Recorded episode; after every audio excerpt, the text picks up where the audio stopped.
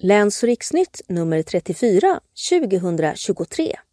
En oberoende taltidning för dig i Stockholms län.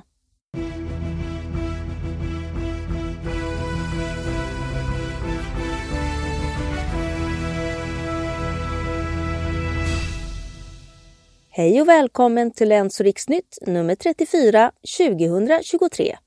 Utgivningsdag är onsdagen den 1 november och det i appen och på webben. Du som får tidningen på CD får vänta några dagar. Jag heter Assissa Dawadi. Välkommen till detta nummer.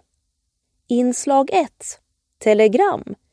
Bland annat om att det inte blir någon höjning nästa år av färdtjänsttaxan och inte heller på det reducerade priset på SL-biljetterna. Roslagsbanan kör med nya tåg. Valmyndigheten kommer ha bättre koll på det punktskriftsmärkta valmaterialet till EU-valet och om världstoalettdagen. Inslag 2. Arbetsförmedlingen får kritik.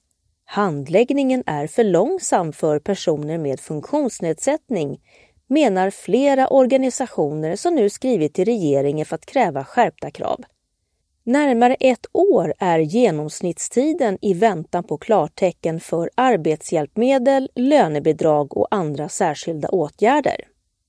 Inslag 3. I dagarna firas inte bara halloween och alla helgons dag utan också de dödas dag, som är en stor högtid i Mexiko. Vi har tittat närmare på de färgglada dödskallarna och de roliga skeletten som är till för att hedra de döda på ett glädjefyllt sätt. Följ med till Etnografiska museet. Inslag 4. Unga funkisrörelsen inspirerar. Hur påverkar vi vår egen vardag? På vilka sätt kan vi göra skillnad och vad har vi gemensamt? Ja, det är några av frågorna som ett gäng unga med olika funktionsnedsättningar diskuterade vid en inspirationskväll i Gotlandssalen. Inslag 5. Sätt i veckan. Vi berättar om några saker vi har lagt märke till i Stockholm city. Bland annat att sommaren slagit ut igen.